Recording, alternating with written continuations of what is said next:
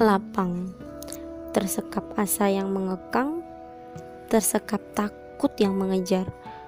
Aku terdiam, menatap kekalahan. Kalah, aku kalah menaklukkan hati yang menyempit, menyekap sendiri diri yang tertatih, seakan tak kuasa memopong beban, padahal nyatanya karena enggan melapangkan. Bukan perihal masalah yang terlalu berat, namun perihal hatiku yang kurang lapang. Kira-kira begitu, punya pesan singkat yang kudengar di saat yang tepat oleh seorang mubalik. Berpacu pada kisah Musa yang hendak mematuhi perintah melawan kedaliman Firaun.